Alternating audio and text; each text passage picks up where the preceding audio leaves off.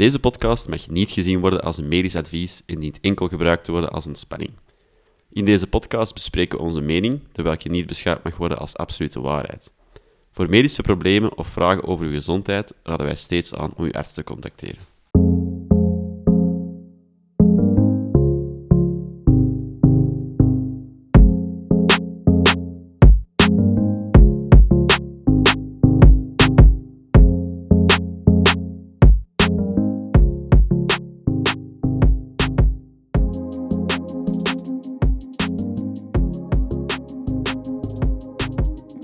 Vandaag hebben we Etienne en Clara van Comer Sport bij ons. Met deze twee jonge sportartsen verkennen we hoe we blessures kunnen voorkomen en wat we kunnen doen wanneer we in contact komen met typische blessures. We spitsen ons toe op de Big Five loopblessures, hebben het over foamrolling en gaan in het tweede deel van de aflevering dan weer verder over voeding. Meer specifiek hebben we het dan over energiegels, cafeïne en sport, proteïnesupplementen en nog veel meer. Welkom bij Wat Dichter op uw lever.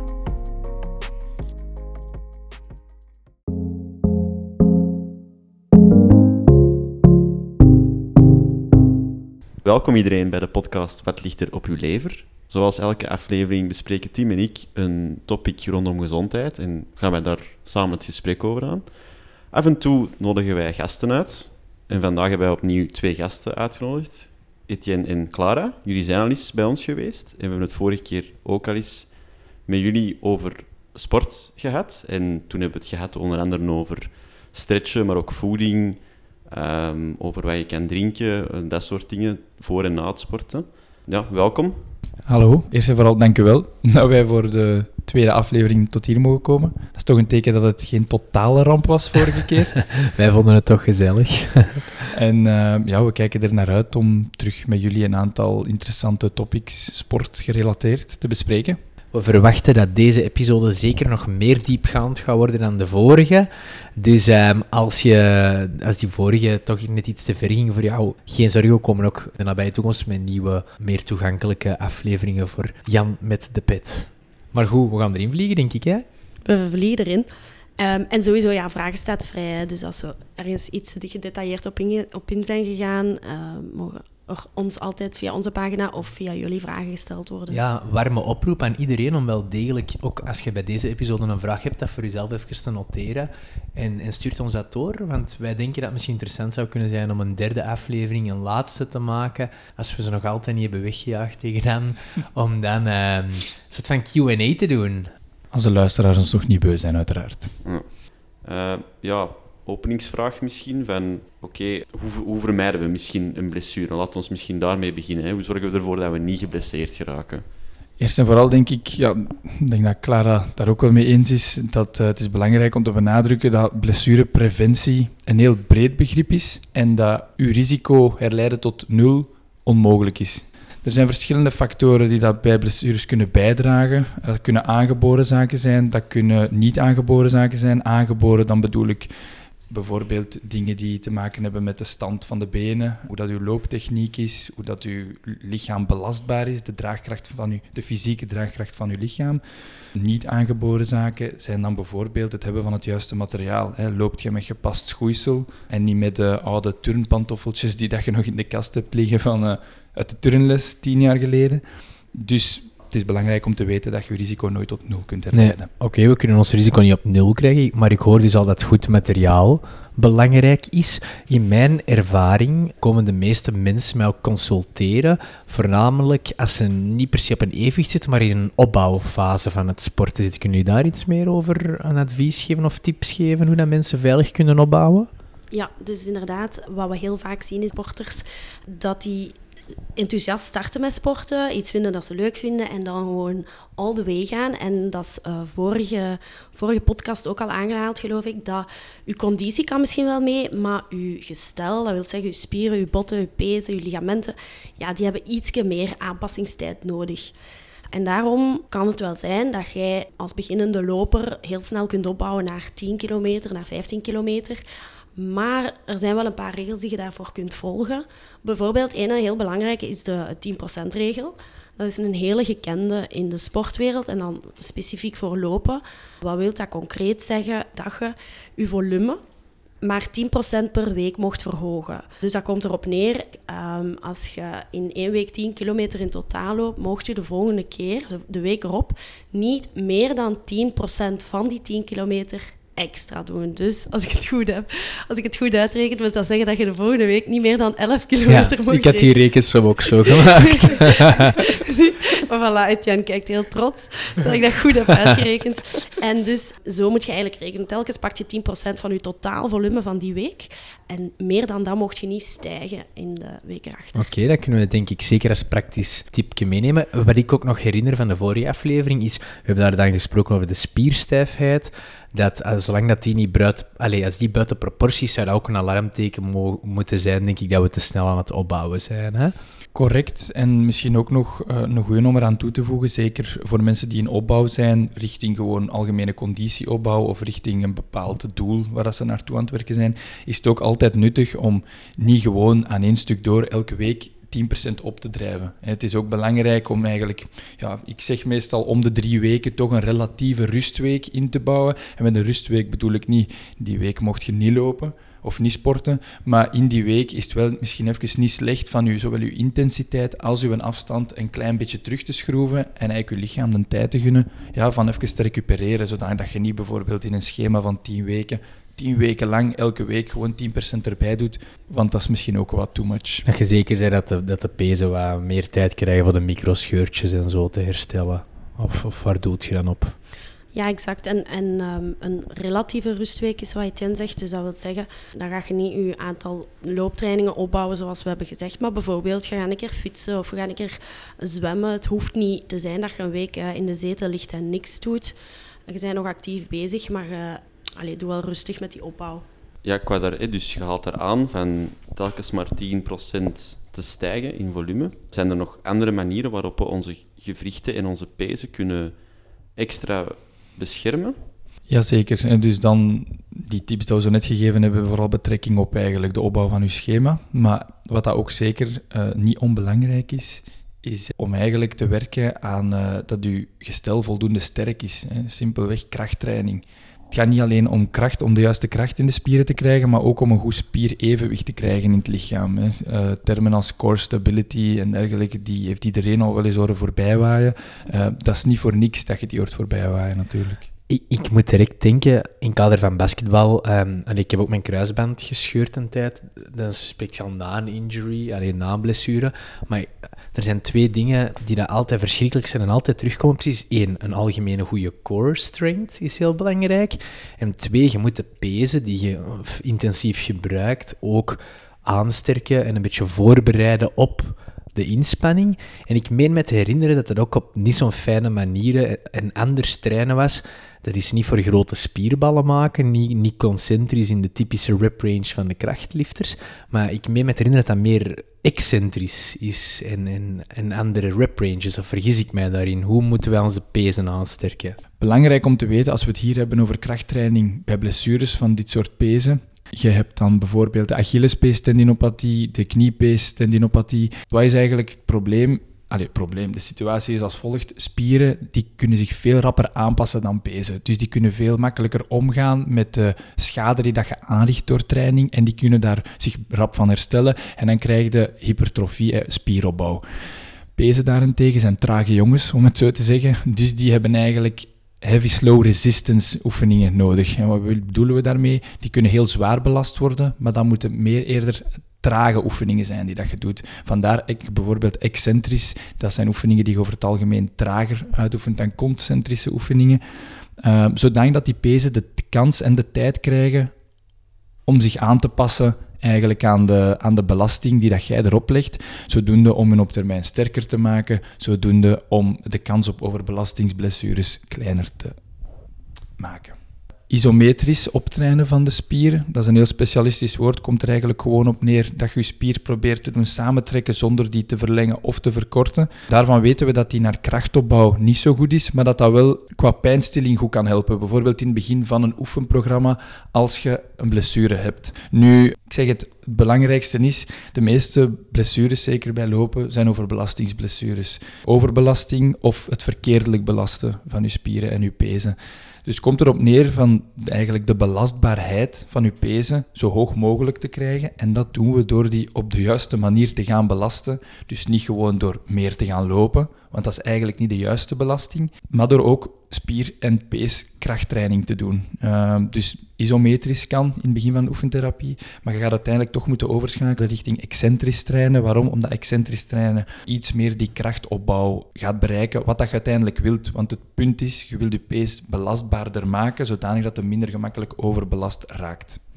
En kunnen jullie misschien eens een concreet voorbeeld geven van nu het verschil is tussen concentrisch, excentrisch, isometrisch? Allee, echt een, testbaar voorbeeld dat mensen thuis die er eigenlijk geen kennis van die begrippen hebben, daar toch een, een goed beeld bij kunnen krijgen van wat dat juist is? Ja, want uh, dus dat is inderdaad, dat zijn wel moeilijke, allee, abstracte begrippen, denk ik. Bij een concentrische samentrekking van de spier zie je eigenlijk dat de spier gaat verkorten terwijl je hem gebruikt, hè, terwijl je hem in, inzet. Terwijl een excentrische uh, contractie is eigenlijk uh, net het omgekeerde, dat je tijdens dat je de spier gebruikt gaat de spier zich verlengen. Een concreet voorbeeld daarvan, dus concentrisch, dat is als je uh, je vuist naar je toe trekt, en zodat je biceps samentrekt en die wordt korter.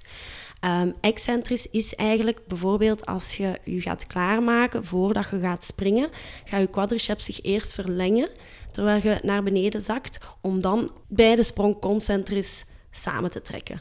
Ik weet niet of het duidelijk Mhm. genoeg is. Mhm. Ehm, Mhm. Ik denk het wel. Nu, het blijft een, een, iets moeilijk om conceptueel over na te denken als je geen kine bent of als je de anatomie niet 100% kent. Ik zou adviseren als je er niet uitkomt en je wilt het goed aanpakken, desnoods met enkele kine-sessies, je moet er niet te veel doen, kun je een set aan oefeningen leren die je volgens mij kunt thuis blijven doen dan ehm, voor hele, een hele termijn. Hè. Ehm, ik wou nog heel eventjes inpikken op, hè, om, omdat Etienne zegt, oké, dus pezen trainen traag op. En je kunt ook een combinatietraining doen, dat je eh, spieren en pezen gaat trainen. Maar we weten dat heel vaak de oorzaak van een, een overbelasting van een pees is net de reden dat de pees trager optrainen en spieren sneller. Dus een spier die sneller getraind gaat, die gaat meer tractie geven op die pees. En dat gaat eigenlijk vaak aan de oorzaak liggen van een overbelastingsblessure of een tendinopathie. De spier Ah, wordt te sterk voor de pees, om het Ja. heel vereenvoudigd En te zeggen. daarom is het eigenlijk, om het heel eenvoudig te stellen, is het eigenlijk belangrijk dat je voor elke spiertraining die je doet, hè, dus als je gaat lopen, ja, die kuitspieren bijvoorbeeld, die gaan goed optrainen, die gaan sneller optrainen en die gaan tractie geven op die pees die trager traint. Dus daarom is het eigenlijk belangrijk, zeker voor de beginnende loper, die begint op te bouwen, om die pees eerst mee te trainen, meer of, of in verhouding in het begin inderdaad meer dan eigenlijk je looptrainingen of je kuitspiertrainingen of andere spiertrainingen.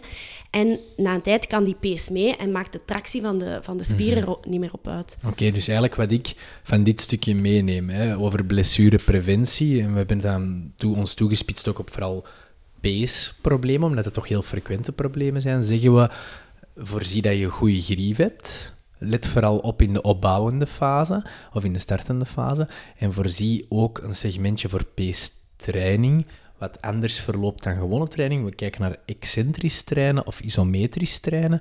En in, in, in heel deze chaos en wirwar, als je het niet goed weet, laat je eventueel begeleiden kortstondig door een kinesiestof of iemand in die aard. Want als, als, tenzij dat jullie daar iets aan willen toevoegen, zou ik denken dat... Ik denk, eh, het volgende dat we zo hadden gepland om het over te hebben, zijn een ik- paar typische blessures. Ah, jij wilt nog iets Ik wou zeggen? nog Ja. één iets rap zeggen, eh, refererend naar de vorige aflevering. Eh, als we het dan hebben over blessurepreventie, we hebben het toen gehad over cooling down, warming up. Ehm, dat zijn ook allemaal zaken die je kunt implementeren in je trainingen, voor je trainingen, na je trainingen, om je blessurerisico te gaan verminderen. Dus ja, dat is zeker de moeite om even terug te luisteren. Oké. Goed. Nee, dat nemen we zeker ook mee. Hè. Want ik denk dat we nu kunnen overgaan, hè, omdat we het al hebben een beetje gehad over peesproblemen, gaan we het nu hebben over iets dat jullie hier op ons bladje hebben geschreven als de Big Five blessures. Kunnen je daar iets meer over vertellen? Ja, de Big Five, dat is eigenlijk een term die gebruikt wordt voor de meest voorkomende loopblessures. Blessures die voorkomen bij voornamelijk lopers dan. En dan ga ik ze gebruiken in termen die vooral in volksmond gebruikt worden, of in de lopersmond. Dat is de runner's knee. Problemen met je patellapezen, je knieschijfpezen dus, dus eigenlijk. Hielspoor, Achillespees, tendinopathie dan. En shinsplints of ook wel scheenbeenvliesontstekingen. Daarnaast dan niet tot de Big Five behoren, maar waar we ook vaak eh, zien dat lopers last van hebben, eh, stressfracturen. Ja, eh, om daar misschien ja, van wal te trappen, om het zo te zeggen. Eh, ah, heel teken. Oké. Dat houden, houden we erin, van wal te trappen. Oké, blijkbaar is het om van wal te steken. Dank u, Clara. Een beetje pijnlijk elke keer, maar goed. We komen er wel door. Zoals we daarnet eigenlijk hebben aangehaald, ehm, al deze blessures, ehm, er is ook nog wel discussie rond de ontstaanmechanismen en de exacte oorzaken, one-on-one, wat dan nu de, de triggers zijn om, om die blessures te veroorzaken.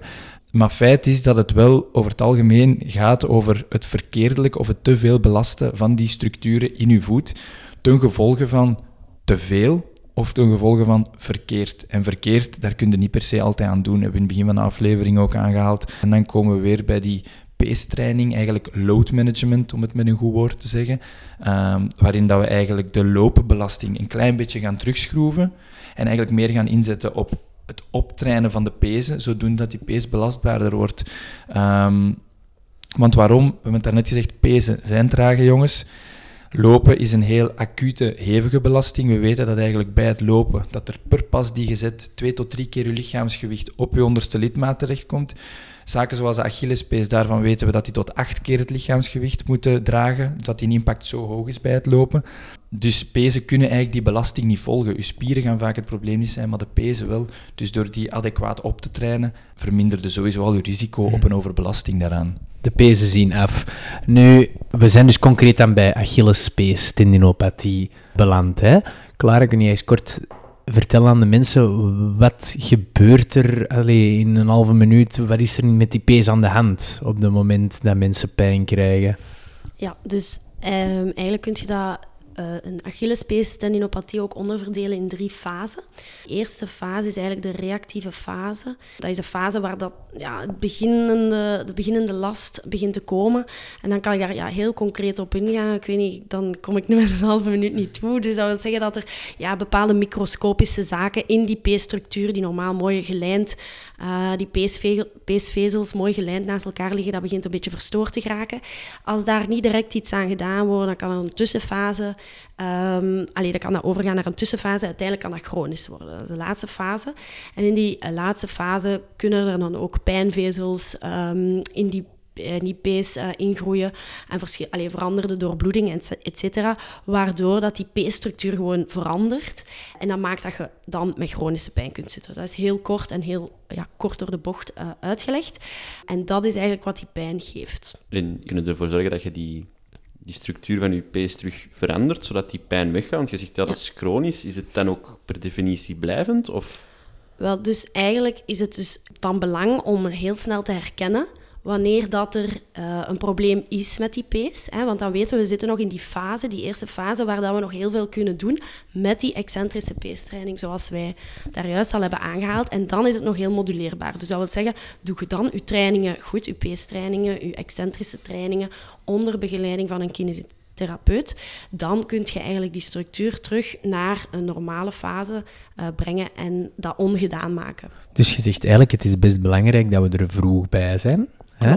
In mijn ervaring, allez, dat is misschien overgesimplifieerd, maar ik heb de indruk dat pezen ook vaak laat pijn geven. Heel veel mensen hervallen in die problematiek, omdat ze, ze voelen die pijn. En met wat chance spelen ze daar snel op in. Gaan ze oefening doen, passen ze hun inspanning een beetje aan en herstellen ze een beetje ja, het evenwicht tussen belastbaarheid en belasting op die pees. Maar dan gaat de pijn weg en dan stoppen ze heel gemakkelijk met hun oefeningen of zo, of, bouwen ze de sport rap terug op en hervallen ze. Ik, heb, ik zeg altijd tegen mensen, dat klopt misschien niet, maar om ze te doen vasthouden aan, aan blijven toch die pezen verzorgen. Onze pezen geven nogal laat aan dat er een probleem is. En eens dat we die pijn voelen, moeten we ook lang die blijven verzorgen. Uh, ja, dat klopt. En dat is een klein beetje... Uh, dat is ook wat mijn ervaring is in de praktijk. Pezen, daar moeten we geduld mee hebben. Spieroefeningen, zeker spierpeesoefeningen bij de kinesist, dat is niet het meest leuke. Als je denkt, ah, ik heb hier motivatie om een uur te gaan sporten uh, en je moet die oefeningen doen, dat is eigenlijk... Allez, ik snap dat het, het, het, het, gaat, het vertrekt vaak vanuit de motivatie van de patiënt. Het is belangrijk om te benadrukken dat pezen traag zijn, dus dat je eigenlijk uw, uw genezingsproces bij de kinesist bij, of bij een personal trainer met die oefeningen moet minstens gaat altijd minstens 12 weken duren. Op het moment dat uw pees uh, blijvende klachten geeft en dat voor mensen de drempel overschreden is om naar een dokter te gaan, is eigenlijk al het punt waarop dat je ervan kunt uitgaan dat er lichte tendinopathie al aanwezig is. En dan moet je ervan uitgaan van kijk, en dan moeten de mensen ook moeten gewoon eerlijk zeggen als arts van kijk, het is belangrijk dat je die tijd gaat geven. Je schroeft je loopbelasting terug. Je gaat dat gaat minstens 12 weken duren, over het algemeen. Er zijn uitzonderingen. Het is belangrijk om te weten dat ze geen schrik moeten hebben van pijn. Het kan zeker geen kwaad als je oefeningen doet dat je pijn hebt, maar die pijn moet wel gemonitord worden. Exact. Als jij oefeningen doet en je hebt last, dan is het wel de bedoeling dat je de dag daarna die oefeningen terug kunt doen. Als jij zodanig veel pijn hebt dat die oefeningen de dag daarna onmogelijk zijn, ja, dan is het, er weer te veel aan doen. En zo moeten continu aanpassen. Eigenlijk, ja, ben ik te veel aan doen? Ben ik niet te veel aan doen? Ben ik juist bezig? Ik haal hier twee heel belangrijke dingen uit. Pijn mag, maar je moet de dag erna je oefeningen nog kunnen doen. Ik ken heel veel mensen ook met Achillespeesproblemen of hielspoor, waar het ook een beetje op lijkt op die manier, um, die dat ze toch komen hun sport nog doen en de dag erna één of twee dagen uit zijn, om dan daarna te zeggen, ik kan terug mijn, mijn sportmoment nemen. Maar dat is dus heel slecht. En ja, heel veel mensen moeten realiseren dat dus die pace pezen, zoals gezegd, trage jongens zijn. Een beetje gelijk de Jens op basketveld. En uh, dat we dus geduld moeten hebben. Het is gemakkelijk als ik de micro denk, kan hem geen weerwoord bieden. Hè? maar dat die jongen, dat je er dus je tijd voor moet pakken. En, en heel veel mensen grijpen eigenlijk liever naar... Ik ga nou wel naar de orthopedist en die zet daar wel een cortisonespuit in. Maar dat kan soms averechts werken, denk ik. Hè? Of wat is jullie idee daarover? Ja, cortisone-injecties, dat is iets wat heel gekend is. je hoort toch vaak mensen zeggen van ja, maar ik ga daar eens een spuit in laten zetten. De dokter zet daar een spuit in en vaak weten ze zelfs niet eens zo goed, of alleen misschien de sporters wel, ik zal niet iedereen over één kam scheren, maar niet eens hoe goed bad er eigenlijk wordt ingespoten of wat er juist voor, uh, voor waarvoor het dient. Maar cortisone-injecties, ja, daar is heel veel controversie rond. Enerzijds kan dat zijn plaats hebben, kan dat op bepaalde um, momenten zijn plaats hebben. Vooral wanneer we echt spreken over ontstekingen. Um, dat kan dan zijn gewrichtsontstekingen, dat kan slijmbeursontstekingen zijn. Dan kan dat zijn plaats hebben, maar vooral in die zin om ervoor te zorgen dat die ontsteking even door cortisone geremd wordt. Dat, wordt dan, dat zorgt dat je immuunreactie minder fel is en dat je een minder felle ontstekingsreactie hebt. En bij gevolg ook minder pijn. Uh, maar dat kan eigenlijk dienen als drempelverlagend om uw oefeningen te doen. En wat zien we eigenlijk, en wat de literatuur ook aantoont, dat een cortisone-injectie zal helpen. Ook als jij je oefeningen niet doet, gaat dat helpen zes weken. En als jij daarna niks hebt gedaan, of je hebt tijdens die zes weken niks aan oefeningen gedaan, dan gaat het na die zes weken terug bij af zijn, of misschien zelfs nog erger. Wat zien we als je geen injectie doet, dus geen cortisone ingespoten krijgt? En wel je oefeningen doen, die eerste zes weken, ja, in vergelijking met die, die sporter langs u die wel die uh, inspuiting heeft gehad, ga jij veel trager en veel uh, langzamer, minder pijn hebben en minder last hebben. Maar in die end, als we de twee vergelijken en we kijken naar 12 weken verder, um, gaat degene die de oefeningen heeft gedaan beter af zijn voor lange tijd. Het is belangrijk ook om te weten, dus cortisone kan zijn plaats hebben om, zoals Clara aangeeft, die in, uh, allez, als je te veel pijn hebt, zodat je toch aan je oefenprogramma kunt beginnen. Maar we zien eigenlijk vooral dat cortisone ook enerzijds een motivatiekiller kan zijn. Hè. Cortisone gaat het probleem... Cortisone werkt eigenlijk in dat opzicht misschien een beetje te goed soms. Hè. Uh, het gaat het probleem volledig wegsteken, verdoezelen, zeker de eerste weken na de spuit. En bij gevolg gaan de mensen denken, ah, ik ben er vanaf. En dan komt de hervalfase en dan komen ze terug. Ah, dokter, zeg, zo'n spuit heb je er zo nog niet eentje, want die heeft mij goed geholpen. En dat is natuurlijk niet de way to go. Het is niet de bedoeling om, om, om de zoveel tijd cortisone-spuiten te gaan zetten. En ook iets heel belangrijk om te, om te benadrukken als je zo'n patiënt voor je hebt zitten en voor de mensen thuis die luisteren. Als je pijn hebt door te lopen, een, uh, een soort Achilles, bijvoorbeeld Achillespees-tendinopathie, dan denken mensen ook al gauw, oei, ik ben erover gegaan. Ik ga rusten.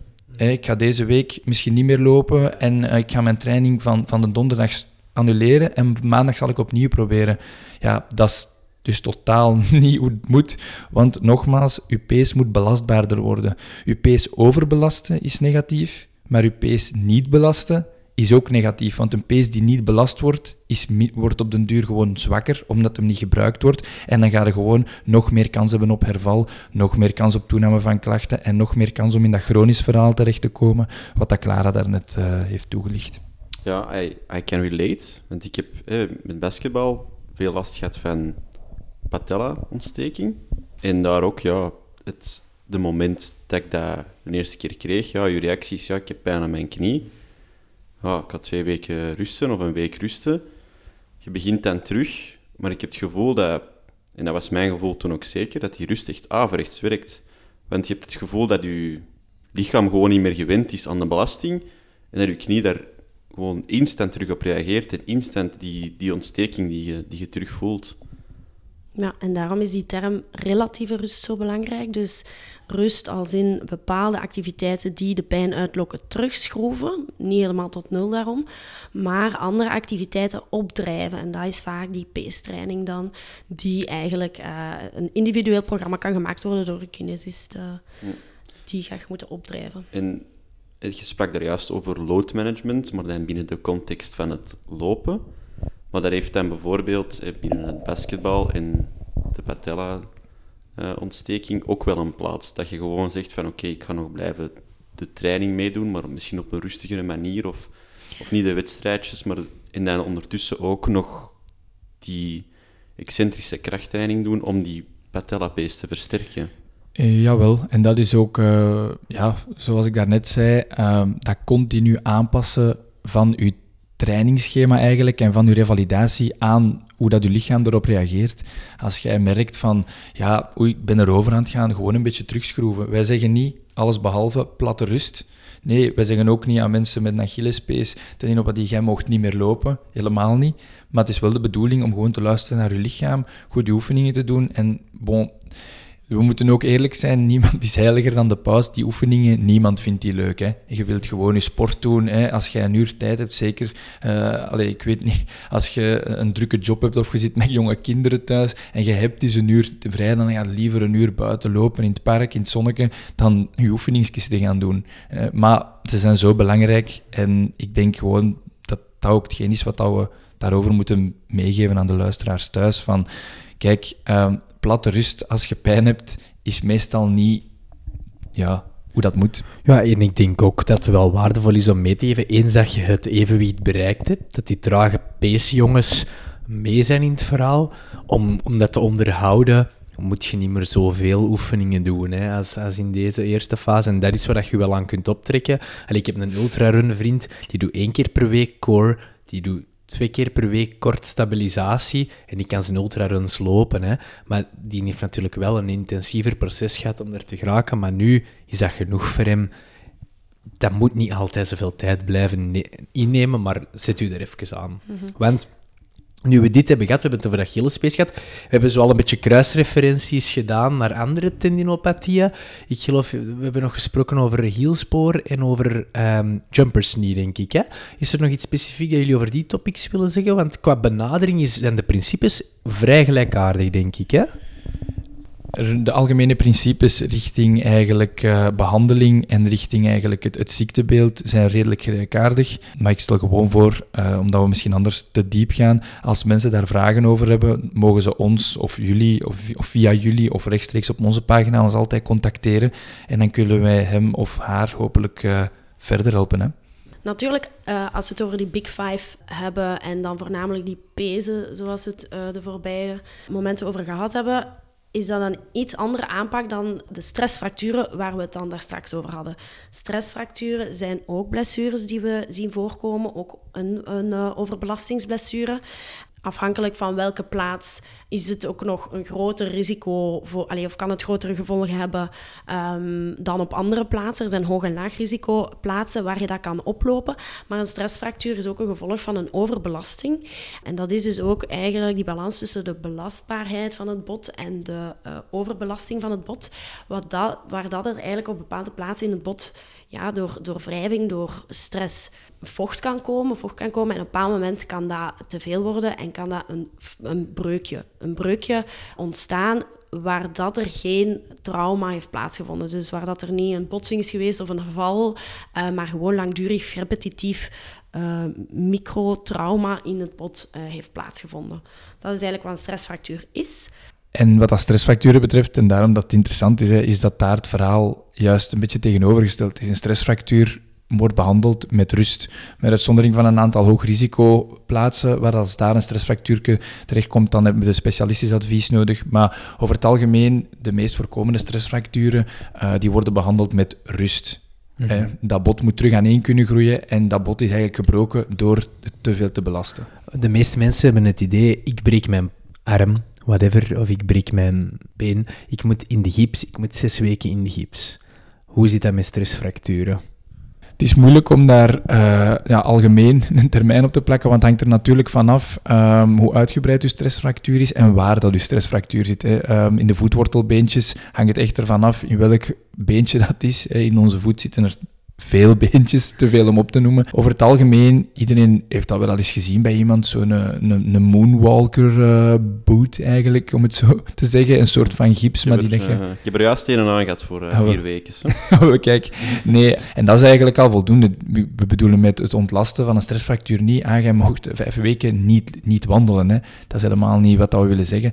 Maar het is wel de bedoeling, zeker als er effectief een stressfractuur is, die via beeldvorming is vastgesteld, dat je lopen bijvoorbeeld is wel absoluut niet aan de orde op dat moment. Ja, je kunt dan wel wat spier-peestraining doen, maar dat is het probleem natuurlijk niet geweest. Een specifieke stressfractuur, wat dat wel een interessante is, is uh, bij de shinsplint, uh, de scheenbeenvliesontsteking. Dat is eigenlijk een soort van beginning, begin van het spectrum dat richting een stressfractuur kan evolueren, ter hoogte van het scheenbeen. Als je last hebt van shinsplint, is het beleid ook over het algemeen rust, even stoppen met lopen en starten eigenlijk over het algemeen met um, het stretchen van je kuitspieren, maar ook met het optrainen van je scheenbeenspieren. Uh, natuurlijk, als je effectief in het verhaal van de stressfractuur komt, dus het zo ver hebt laten vorderen zonder er iets aan te doen en zij blijven belasten, ja, dan verandert dat weer al. Hè? Want ik zeg het, stressfractuur moeten gewoon rusten. Maar ook met shinsplints, ik weet nog van de basket, uh, enkele van onze vrouwelijke collega's vroeger dat ook hebben gehad. En dat die wel zo tegen die pijn nog langer doorbasketten soms. Maar dat is toch, alleen met wat jij nu zegt, lijkt me dat toch tegenaan gewezen. Hè? Je mag specifiek trainen onder begeleiding van een kinesist, lijkt me dan. Uh, maar het lijkt me toch onverstandig om als je die pijn voelt en, er is een scheenbeenvliesontsteking, een shinspint, whatever, vastgesteld, om dan nog te blijven competitief doorsporten, lijkt me toch onverstandig. Uh, nogmaals, luister naar uw lichaam. Uw lichaam liegt niet wat dat over belastingsblessures betreft. Uh, zoals dat je daarnet al aanhaalde, het is jammer dat op het moment dat je de pijn voelt, is die blessure al aanwezig. Is er al sprake van, uh, bij de Achillespees betreft tendinopathie. Maar dan is het gewoon kwestie van dat zo rap mogelijk adequaat te behandelen. En zeker in het geval van een shinsplint, omdat die kan evolueren richting een stressfractuur. wat dat bijvoorbeeld, sommige mensen, dan ga ik, want ik ben weer veel aan het praten, maar wat dat wel leuk is, voordat ik het ga vergeten een vraag die, dat we soms, die dat ik toch soms al gekregen heb in de praktijk. Ah, dokter, ik heb last van mijn Achillespees. U spreekt van tendinopathie. Die pees is dus eigenlijk te zwak. Heb ik nu ook een risico op een ruptuur? Een scheur van die Achillespees. En dat is niet het geval. Dus dat is ook belangrijk misschien om te benadrukken of om te polsen bij de mensen. Wat houdt u tegen om uw oefeningen te doen? Is dat uit angst, dat omdat je iemand kent die een Achillespeesscheur heeft gehad, mogen je 100% geruststellen, uw risico op een scheur is niet hoger als jij met een overbelasting op die pees zit. Dus zeker geen reden om uw oefeningen niet of minder zwaar te maken. Dat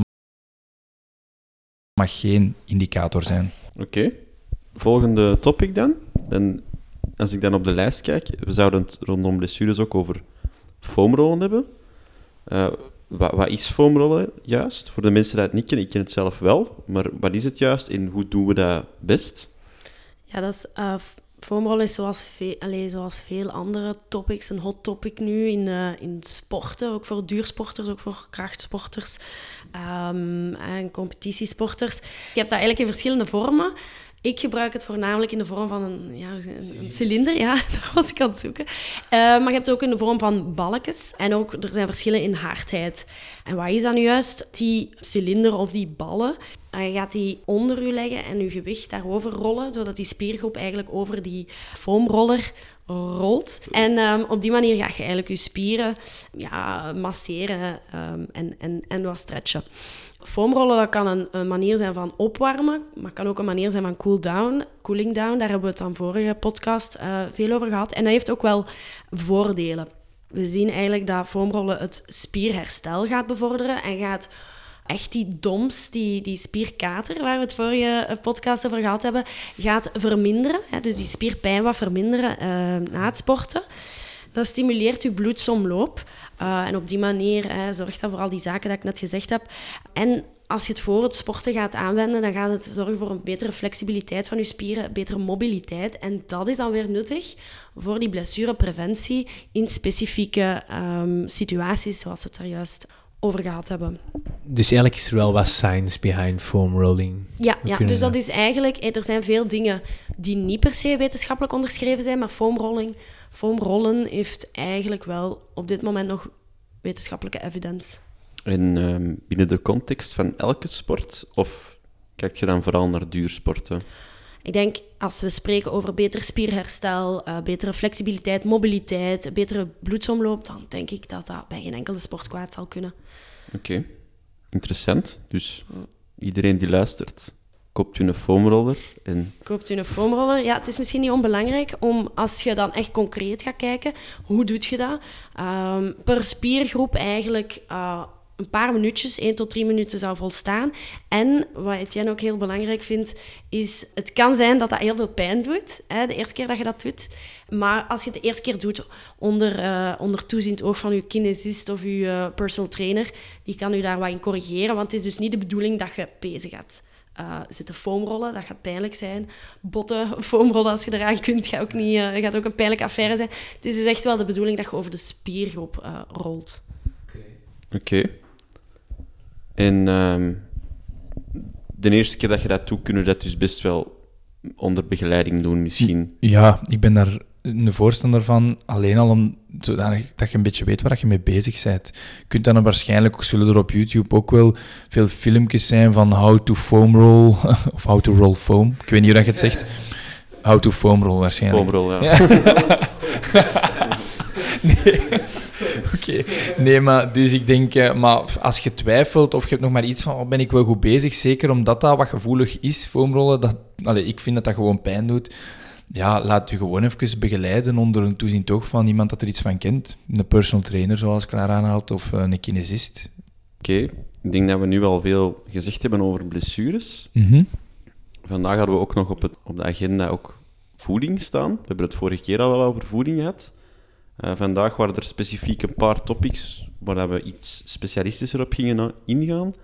Onder andere energie-shells, denk ik. Zie ik dat juist? De gelletjes. De gelletjes. ja, ja. Um, wij horen... Zeg maar. Ja, ik hoor vooral altijd dat die kei smerig zijn. het vergt toch enige aanpassing uh, aan uw smaakpapillen. Het is, niet alleen uh, uw maag en uw darmen die er zich naar moeten aanpassen, maar inderdaad, ik vind ze ook niet zo lekker. Maar dat is persoonlijk, hè, smaken en kleuren. Enfin, je hebt ze in alle vormen, in alle kleuren, in alle formaten. Om te beginnen, het voordeel van een energiegel is eigenlijk het volgende. Als je aan het lopen bent, moet je eens proberen een banaan te eten. Dat is moeilijk. Kauwen, slikken, ademen, dat is moeilijk om dat tegelijkertijd te doen. Dus wat is het idee achter de gelletjes? Eigenlijk op een vlotte manier een hoge concentratie aan koolhydraten, wat dat we dan als energie gebruiken, binnennemen. Met dat risico, waarom? Hoog geconcentreerde koolhydraten brengen natuurlijk maag-darm risico's met zich mee. Geen, niks om je ongerust over te maken, maar kleine problemen. Hè. Opwerpingen, misselijkheid, um, diarree, dat soort zaken. En dat is hetgeen, ik denk, ik weet niet, hebben we het daarover gehad, over gut training in de vorige aflevering? Nee, gut training niet, maar ik kreeg wel flashbacks naar uw heel relaas over een banaan is zwaar op de maag. En de bananenhaat-vibes komen hier terug naar boven, hè. Ja, sorry. Dat is, ik ben gewoon geen liefhebber van bananen. Nee, nee, dat weten we. En de, de luisteraars weten dat ook, denk ik. Hij laat het te hard blijken. Nee, maar het is wel zo, zoals het Jens zegt, een banaan. Hè, hoe, hoe hard ik ook fan ben, nee, tijdens het lopen, dat gaat echt niet. Of ik ben ook daar totaal geen fan van. Gelletje is puur praktisch heel uh, interessant. En uh, met een rijpe banaan, het, het, aantal koolhydraten dat daarin zit, dat komt ook overeen met uh, ongeveer overeen met één energiegel. Um, dus dat is een handige, zeker voor als je langduriger gaat lopen. Wat ook misschien nog interessant is, en daar kunt uh, jij misschien wat meer over zeggen, Etienne, is als je niet zo lang gaat lopen, dus dat wil zeggen als je, als je uh, tussen een half uur tot, tot 75 minuten gaat, gaat sporten, hoeft je zelfs niet per se koolhydraten in te nemen. Hè. We hebben het er al, al vorige keer, denk ik, kort even over gehad dat er in je spieren wel een voorraad zit. Maar um, ik ga Etienne laten vertellen, die heeft daar de post over gemaakt. Het kan soms al voldoende zijn om je mond eens te spoelen met iets. Ja, goeie, goeie aankondiging, hè? Ik, ik, weet nog, je moet vooral s ochtends veel boterhammen met honing eten. Ja, dat en veel mijn, water drinken een paar dagen ervoor. Dat is mijn uh, gekend succesvolle recept. Ik ga dat zeker eens proberen trouwens. Hè. Ja. Uw recept, ja, ik kan het eens, Allee, kan leuk. een kans geven. Ja, voor, voor de match. Ja. Witte boterhammen met honing. Kleine anekdote. Uh, voor mijn eerste marathon in Parijs had ik effectief een witte boterhammen met honing mee op aanraden van Etienne. Het kan door de stress zijn of het kan door zijn beroemde recept zijn, maar ik heb toch moeten overgeven. She can't handle the stress. Je ging iets vertellen, hè? Ja, nee, waar Clara op doelde was eigenlijk uh, op de carbohydrate mouth rinsing. En eigenlijk heel simpel het spoelen van de mond met een suikerrijk drankje. Uh, dat is iets wat tegenwoordig in de topsport ook veel gebruikt wordt. Ja, je ziet die voetballers zoveel drinken, vaak drinken en dan dat uitspreken. Dat is dus echt dat wat die aan het doen zijn, of? Ja, ik, uh, het is natuurlijk, ik denk er zal ook soms gewoon een bidon met water zijn om de mond die volledig uit te drogen is, gewoon even te bevochtigen. Maar wat dat we weten, en dat is wel eigenlijk super interessant en eigenlijk super cool ook, vind ik zelf. Dat is dus eigenlijk gewoon al het feit dat er suiker in onze mond terechtkomt, iets suikerhoudende vloeistof of een gelletje, en dat je dat even in de mond laat rondgaan, dat geeft op bepaalde stimuli naar de hersenen uit. Het exacte mechanisme daarachter weten we niet, maar dat dan eigenlijk een soort van prestatiebevorderend effect teweeg brengt, alsof dat je die suiker net zou hebben opgenomen, via je maag in de bloedbaan terecht is gekomen en eigenlijk beschikbaar is voor de spieren om meer energie te krijgen. Het, het is niet zo dat je via je speeksel een deel van de suiker opneemt of zo. Dat is niet het geval. Het is eigenlijk puur een soort placebo-effect voor Ja. je hersenen. Het is puur, het is eigenlijk een beetje te vergelijken met, ik ben, als ik in voorbereiding ben van een sportevenement, dan probeer ik zo altijd een aantal weken vooraf te stoppen met alcohol te drinken. En dan drink ik vaak van die 0.0 stellakjes. En eh, het is zonder zwans, eh, je drinkt er daar twee van en je voelt echt een soort van... Ik kan niet zeggen dat je, ehm, ik weet niet hoe, hoe ver van, van het padje gaat, om het zo te zeggen, maar je voelt precies zo van, oh, daar zat toch geen alcohol in? Allee, zo een beetje op het randje van, ik voel precies dat pintje toch ergens zitten. En ik denk, dat is nu puur op eigen expertise, ik ken de wetenschappelijke bewijzen ervan niet, maar ik denk dat dat een beetje vergelijkbaar is. Uw, uw mond of uw lichaam, uw hersenen zijn dat zo gewoon, zijn geconditioneerd van, die smaak gaat gepaard met suiker, met energie, en dat geeft je lichaam eigenlijk een soort van boost, zonder dat je eigenlijk het risico loopt op dat moment om, ehm, om de maag-darmproblemen te krijgen, omdat je zo'n geconcentreerde suiker oh, tijdens zo'n diepe inspanning nog opneemt. De, de belangrijkste vraag. Had je dan ook een kater de dag na je 0.0 of eh, was dat niet deel van de placebo? De kater was afwezig. Goeie spierkater. Etienne vergelijkt hier even het uh, prestatiebevorderend effect van mouth rinsing met zat zijn, maar oké. Zwat. Nog iets over de energiegels? Ik onthoud, we hebben ze niet voor elk sportmoment nodig. Soms kan onze mond spoelen met een suikerrijke vloeistof meer dan genoeg zijn en achteraf onze fristie drinken. Maar als je dus langer sport, hoe lang was het exact? Ja, Dus het is eigenlijk belangrijk inderdaad om te zien, als je uh, voor dat mondspoelen, dan spreken we over een half uur tot 75 minuten sporten. Langer dan dat, dan gaat je er niet komen met uh, wat spoelen. Um, dan ga je al wel iets moeten innemen, inderdaad. Want als we spreken vanaf 1 tot 2 uur, dan spreken we over één gelletje idealiter, of volgens de richtlijnen toch, één gelletje of één banaan. Als je 2 tot 3 uur sport, dan is het ja, twee gelletjes uh, toch per uur, hè, heb ik het dan over, per uur. En als het langer dan 2 uur en een half is, dan zou je eigenlijk idealiter, maar daar kunnen we het een andere keer over hebben, uh, kunnen opdrijven naar uh, 60 tot 90 gram koolhydraten per uur. Dus dat wil zeggen bijna een, allee, ter, ter vergelijking uh, drie bananen per uur. Als je dat moet eten tijdens sporten, dat komt inderdaad niet goed, denk ik. Uh... Natuurlijk ook even belangrijk om te benadrukken dat in de berekening van Clara ze er dan wel van uitgaat dat je alleen die bronnen van koolhydraten opneemt. Als je bijvoorbeeld aan het fietsen bent, is het wel makkelijker om ook iets van vaste voeding te eten en ook zeker een haarrader, een lekker koekje, peperkoek of wat ik zelf altijd doe, dat is maar dat is ook persoonlijk, is een zakje gummibears in mijn, uh, in mijn achterzak steken. Pure suiker. Dus um, allee, zodanig dat je niet puur op die gelletjes moet zitten. Allee, het moet ook een beetje, je moet het dus zo aangenaam mogelijk maken. Hè. Nee, goed. Um, dan zullen we overgaan naar, naar het volgende topic. En dat is cafeïne. Waarom zouden we, moeten we dan een koffie drinken voor het sporten? Of hoe moet ik dat interpreteren? Ja, moeten is altijd moeilijk, want als ik iedereen zou aanraden om een koffie te drinken voor het lopen voor het fietsen, dan gaan een heel groot deel van de mensen die dat doen last krijgen van hun darmen. Er zijn al heel veel mensen uh, die daar sowieso wel wat last van hebben van koffie drinken en dan um, dat op de darmen uh, inwerkt. Maar er is ook zoiets als runner's diarrhea. Daarvoor hebben we ook een post al gemaakt. En zoals Etienne daar juist al aanhaalde, dat kan zich voordoen bij veel, veel koolhydraten innemen. Hè. Dus die gelletjes bijvoorbeeld, sommige mensen mm krijgen daar ook last van uh, aan hun darmen. Maar met koffie kan dat ook wel, dat risico iets groter worden. Dus zou ik dat aan iedereen aanraden? Niet direct, alleen je moet het eens proberen. Maar als je het verdraagt, kan dat wel bijzondere effecten geven. Er zijn namelijk studies die aantonen dat het tot 5% prestatiebevorderend kan werken. Wat wel heel mooi is, want dat zijn niet meer die marginal gains waarover we spreken, maar dat is echt wel een mooie 5%. Maar het is natuurlijk te zien of je het verdraagt of niet. Hm. Dat is en, uh, hoe meer, hoe beter? Of is er wel een limiet? Ja, ja dus niet, niet liefst niet. Hoe meer, hoe beter. Dat zou ik hier ook liefst niet zeggen, want uh, dat zou wel eens desastreuze gevolgen kunnen hebben. Tien Red Bulls voor uw prestatie. Maar op die Red Bulls zal ik wel eens inpikken. Dat is grappig, want ik heb vroeger nog gewerkt uh, voor Red Bull. Dat is misschien niet iets om hier trots te verkondigen. Maar um, er heerst wel heel veel uh, misopvattingen rond hoeveel cafeïne er in Red Bull zit. Belangenvermenging. nee, maar dus iedereen denkt dat dat heel, heel veel is per blikje Red Bull. Maar eigenlijk komt één blikje Red Bull overeen met een tas koffie. Ja, dus...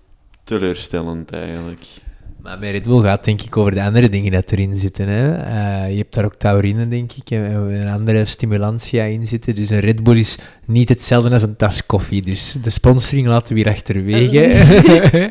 maar dus dat, allee, dat achterwege, ik ben er niet om reclame te maken. Ik word ook niet gesponsord. Um, maar er zijn wel richtlijnen over hoeveel. Hè, hoeveel als we dan terug naar die tassen koffie gaan.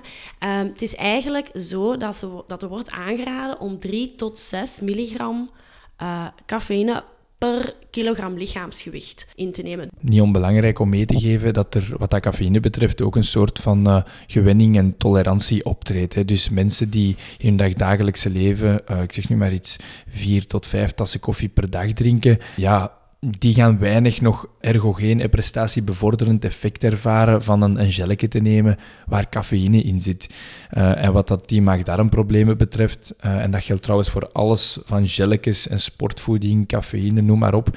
Het concept gut training staat uitgelegd op onze pagina in de post. Het komt er simpelweg op neer, heel kort, dat je je darmen wel kunt trainen om gewoon te raken uh, aan bepaalde voedingsstoffen zoals cafeïne en die gelletjes, zodoende dat je risico op maag-darmproblemen tijdens sporten verminderen als je die inneemt. Als mensen daar meer over willen weten, mogen ze ons uiteraard ook altijd contacteren. Ja, ik heb, ik heb daar nog een, een vraag over, die, die cafeïne. En je zegt, er, er treedt gewinning op. Dus wil dat dan zeggen voor mensen die veel koffie drinken, dat die, dat die koffie minder gaat helpen om de prestatie te bevorderen? Ja, dus dat kan inderdaad zo zijn. Nu, dat is ook heel individueel bepaald. Dus ik weet niet of dat echt sowieso uh, zo is dat het geen enkel effect meer heeft, maar er is inderdaad een vorm van gewenning. Nu, cafeïne werkt ook op die manier. Allee, waarom is dat eigenlijk prestatiebevorderend? Dat is omdat het gaat inwerken eigenlijk op de signalen naar onze hersenen. En het gaat er dus voor zorgen op die manier dat uh, je het idee hebt dat je minder moe bent. Dus je lichaam is niet minder moe, maar je voelt je minder moe. Je hebt de indruk dat je minder moe bent. En dat zorgt eigenlijk voor die prestatiebevordering. En bovendien uh, gaat het ook ervoor zorgen dat je norepinefrine verhoogd wordt. En dat is eigenlijk een stofje, een, een metabole stof, die lijkt op adrenaline. Dus dat wil zeggen, als dat gaat verhogen in je lichaam, dan creëert je eigenlijk meer die fight-flight-modus um, tijdens het sporten. Het werkt eigenlijk vooral oppeppend, hè? Mm Ja, um, nog even iets over eh, proteïne supplementen. Dat is dan vooral na de prestatie, neem ik aan. Ja, dus als we het over uh, proteïne supplementen hebben, wordt er eigenlijk een onderscheid gemaakt uh, tussen whey en caseïne. Whey en caseïne, of ja, wij eigenlijk in het, gewoon in het Vlaams woord. whey is het, uh, het Engelse woord. Is eigenlijk, dat zijn twee eiwitten, die, dat zijn melkeiwitten en dat vind je in melkproducten. Het verschil tussen de twee is dat wij een, een kort, een, allee, of een ja, een kort, een, een, een snel opneembaar uh, eiwit is. En dat zorgt ervoor dat dus eiwitten, um, in het algemeen eiwitten worden afgebroken tot aminozuren. En aminozuren zijn bouwstoffen. Hè? En wij is eigenlijk een, een eiwit dat kort opneembaar is. Dus dat wil zeggen dat dat snel uh, aminozuren beschikbaar stelt in het bloed. En caseïne daarentegen is eentje dat traag opneembaar is. Dat zorgt ervoor dat je pas na 6 tot 8 uur um, aminozuren gaat allee, opnemen in het bloed, of, of, die beschikbaar zijn in het bloed. Uh, maar dat zorgt dus ook wel voor langdurigere vrijstelling of beschikbaarheid van die aminozuren in het bloed. Dat is het verschil tussen de twee. Wat maakt nu dat verschil? Dat wij iets meer aangewezen is vlak na de inspanning omdat we dan, en dat is het golden hour waar het Jan het ook al over heeft gehad, vlak na de inspanning heb je nood aan dat spierherstel, is er nood aan die spierheropbouw. En om dan kort uh, of snel opneembare uh, eiwitten beschikbaar te stellen, uh, gaat dat spierherstel bevorderen. Er is nog controversie over, maar caseïne, zou dan weer iets zijn dat beter s'avonds voor het slapen gaan uh, wordt ingenomen, um, omdat dat dan eigenlijk gedurende de nacht langdurig um, eiwitten afbreekt en aminozuren beschikbaar stelt. Nu, sowieso is dat iets, ja, oké, caseïne wordt eigenlijk aangeraden voor sporters die aan intensieve trainingen doen, langdurige training. Een paar laatste weken voor de marathon bijvoorbeeld, um, omdat je echt aan die laatste lange duurlopen bezig bent. Om dan nu aan iedereen te gaan aanraden om dat in te nemen s'avonds voor het sporten. Uh, s'avonds voor het slapen gaan, nee. Over het algemeen wordt dan gewoon aangeraden om in je dagelijkse dieet genoeg eiwitten in te bouwen. We hebben het daar ook kort over gehad in onze voeding aflevering, denk ik.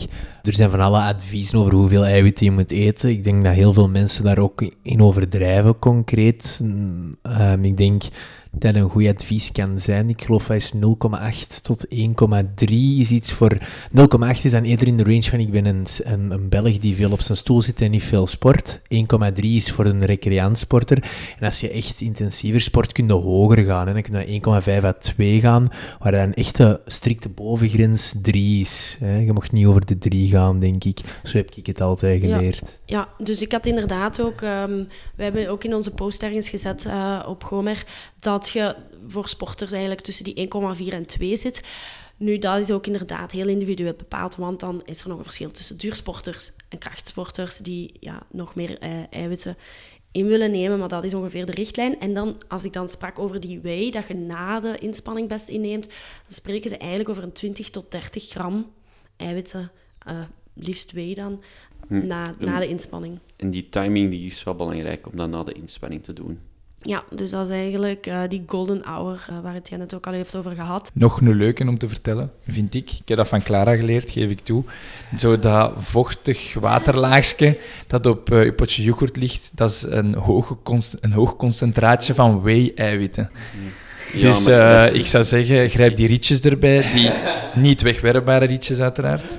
En eh, allemaal genieten van uw dagelijkse portie whey bij het yoghurtje. Nee, dat is echt niet lekker. Ik, ik, ik, ik- het is niet dat ik dat wegdoe, maar ik meng dat er gewoon terug door mijn yoghurt en dan eet ik dat zo op. En Ah ja, maar ook, ook goed, hè.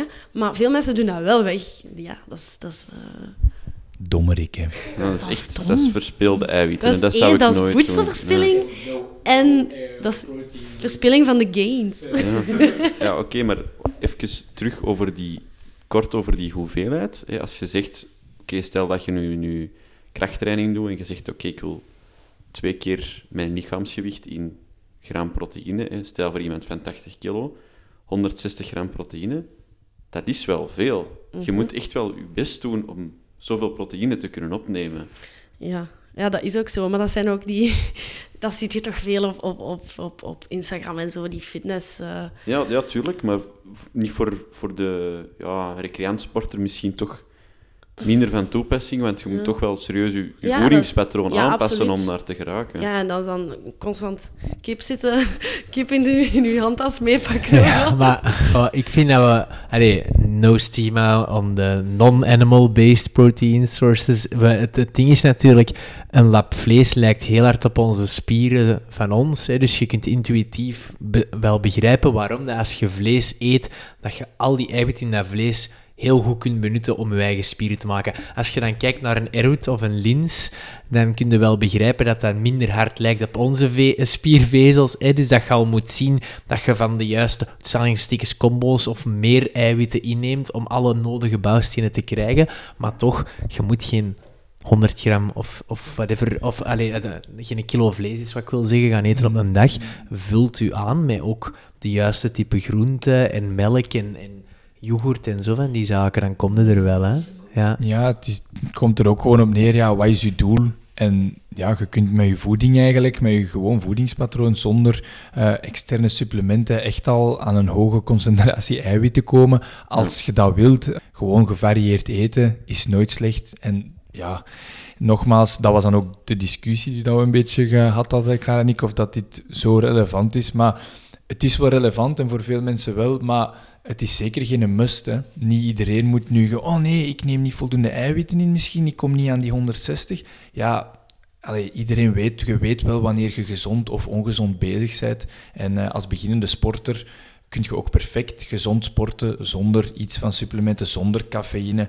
Waren het niet dat niet slecht is, als je die prestatiebevorderende eh, effecten opzoekt en ja, het, het maximale uit je eigen wilt halen. eh, het helpt alleen maar als je het op een verstandige manier doet, natuurlijk. Ja, het is gewoon ook inderdaad, zoals, eh, zoals Etienne zegt, het hoeven geen supplementen te zijn, maar het is niet onnuttig om te weten dat dat wel belangrijk is om het in je dieet ja, aan toe te voegen, zeker als je wat meer gaat sporten.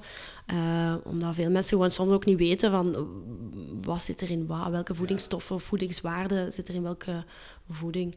Dus ja, op die manier kan dat wel. Je kunt altijd op de achterkant van het pakje kijken, hè, wat erin zit. Klopt. Hoeveel vet, hoeveel suikers, hoeveel proteïne. Ja.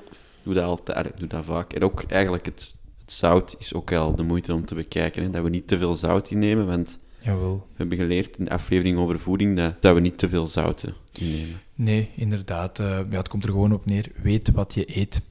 Ja. Overdrijf niet met supplementen. Een gezond, gevarieerd ehm, dieet is veel belangrijker en beter voor je gezondheid dan iemand die zich verliest in supplementen om, om zijn prestatie maar 0, zoveel procent, allee, ik plak er maar een getal op, beter te maken. Zeker omdat de meeste van ons luisteraars, wij zijn recreant, we gaan ons geld niet verdienen met sporten. Wij willen lang en gezond zijn om met onze kleinkinderen nog te kunnen chillen op termijn. Dus streef naar die gezonde levensstijl en verlies u niet in supplementen, alsjeblieft. Goed. Eh, ik denk dat we daarmee alles gezegd hebben voor vandaag. Eh, ja, Etienne, Clara, hartelijk bedankt voor langs te komen. En eh, we hopen jullie dan misschien ook nog wel eens terug te zien voor, eh, voor misschien een Q&A-aflevering, waarbij dat we wat vragen gaan beantwoorden, indien dat, dat, ja, dat er voldoende vragen zijn, misschien wel. Ja. Ja, ik kan me wel inbeelden dat... Allee, ik hoop dat, dat deze twee afleveringen misschien een bron kunnen zijn en de mensen aan het denken kunnen zetten. En ja, laat die vragen maar komen en dan kunnen wij die de volgende keer hopelijk zo goed mogelijk eh, beantwoorden. Het was voor ons alleszins weer al een plezier om hier te zitten. Oké. Nog een Ja. laatste woord, Clara? Bedankt. Ik vind, ik vind eens dat je ze er wel gemakkelijk van laat afkomen. eh, Voordat we hier afsluiten. Ja, maar ja, we moeten toch tips hebben. We hebben al geen mythe van de week. Ik kan niet al deze structuur verliezen. Hè? Dan kan ik geen oor dicht doen vannacht. Eh Etienne en Clara, hebben jullie tips eh betreffende deze episode? De tips, hè, vooral als we het dan in, in, allee, over het eerste deel van de podcast hebben, denk ik dat mm, ja, onze tip vooral zal zijn, eh, luister goed naar je kine en doe je oefeningen. Ook al zijn ze saai, ook al duren ze lang, doe ze. Eh, want anders ga je last blijven hebben. Pezen zijn trage jongens. Geef ze tijd en geef ze de kans om te laten doen wat jij van hen verlangt. Daar komt het op neer wat dat over belastingsblessures betreft. Uh, misschien om terug te komen op de supplementen en de cafeïne. Ja, in het algemeen hebben zeker een nut, kunnen een nut hebben. Um, maar verlies er u niet in. Een heel niet onbelangrijke tip is als je toch die cafeïne-supplementen gaat proberen, doe dat dan misschien op een loopband in de buurt van een toilet. Zo, Etienne? Gut training. Of als dit op verplaatsing gebeurt, neem altijd zeker een paar velletjes toiletpapier. Golden tip van mij. En ik denk dat dat misschien een goede afsluitende tip kan zijn. Leer je lichaam kennen. Op Eigenlijk is momenten. dat gewoon de belangrijkste tip van allemaal. Neem altijd toiletpapiertjes mee als je met of cafeïne of dergelijke uitprobeert. Oké, prima. Dan denk ik dat deze het was voor vandaag. Stuur direct jullie vragen door. Stel het niet uit. Uh, jullie bepalen of er een derde episode komt. We denken dat Etienne en Klaar nog heel veel kennis hebben. En uh, ja, gebruik jullie kans. Stel de vraag. En dan worden jullie misschien gefeatured met jullie vraag in de volgende episode. Aan iedereen bedankt om weer te luisteren. Niet, niet bang zijn, we gaan deze content afwisselen met ook meer toegankelijke content voor onze minder sport. Uh, gerelateerde luisteraars. Maar aan iedereen bedankt voor er weer bij te zijn en tot de volgende keer.